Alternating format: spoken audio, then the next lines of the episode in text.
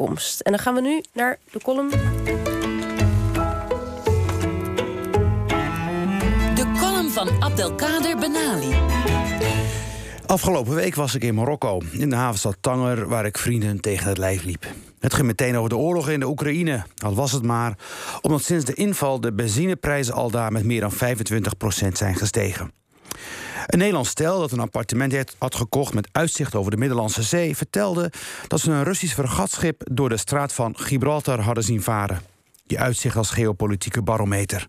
Een andere vriend wist te melden dat het reuzenjacht van de uit de gratie geraakte oligarch Roman Abramovic in de omgeving van de Spaanse kroonkolonie Sota was gesignaleerd.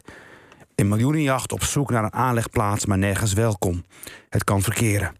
Ondertussen was het steeds harder gaan regenen in Tanger. Het hemelwater werd met een glimlach verwelkomd. De langdurige droogte heeft de stuwdammen naar een historisch dieptepunt gebracht. Marokko is voor zijn graan afhankelijk van de graanimporten uit Rusland en Oekraïne.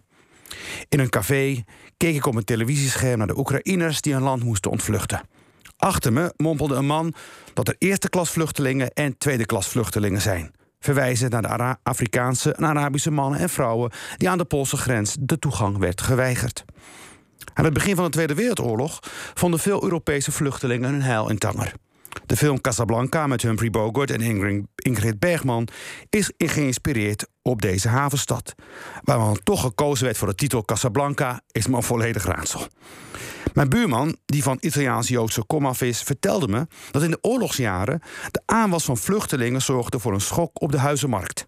Een appartement in Tanger kostte meer dan een heel huis in Parijs. Dat is pas prijsopdrijving. Ook in oorlogstijd is de oude makelaarswijsheid pikkelhard. Het draait altijd om locatie, locatie, locatie.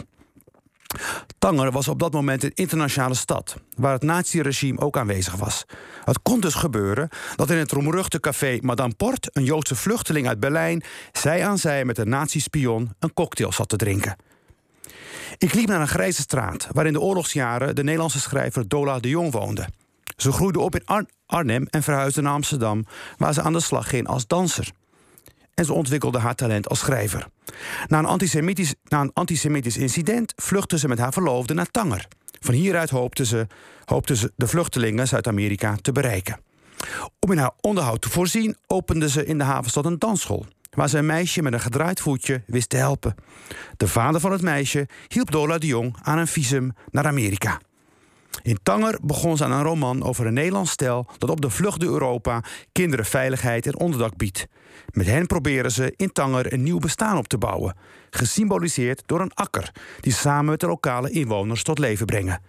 De wereldgemeenschap heeft dan nog maar één doel: in elkaars onderhoud voorzien. Het eindstation van de vrede. De roman werd in 1954 in Nederland uitgebracht onder de titel En de akker is de wereld. Deze gevoelige roman is een aantal jaar geleden opnieuw uitgebracht en heeft niets van zijn actualiteit verloren. Onze wereld is inderdaad een akker, ruw omgeploegd en iedereen wacht op regen.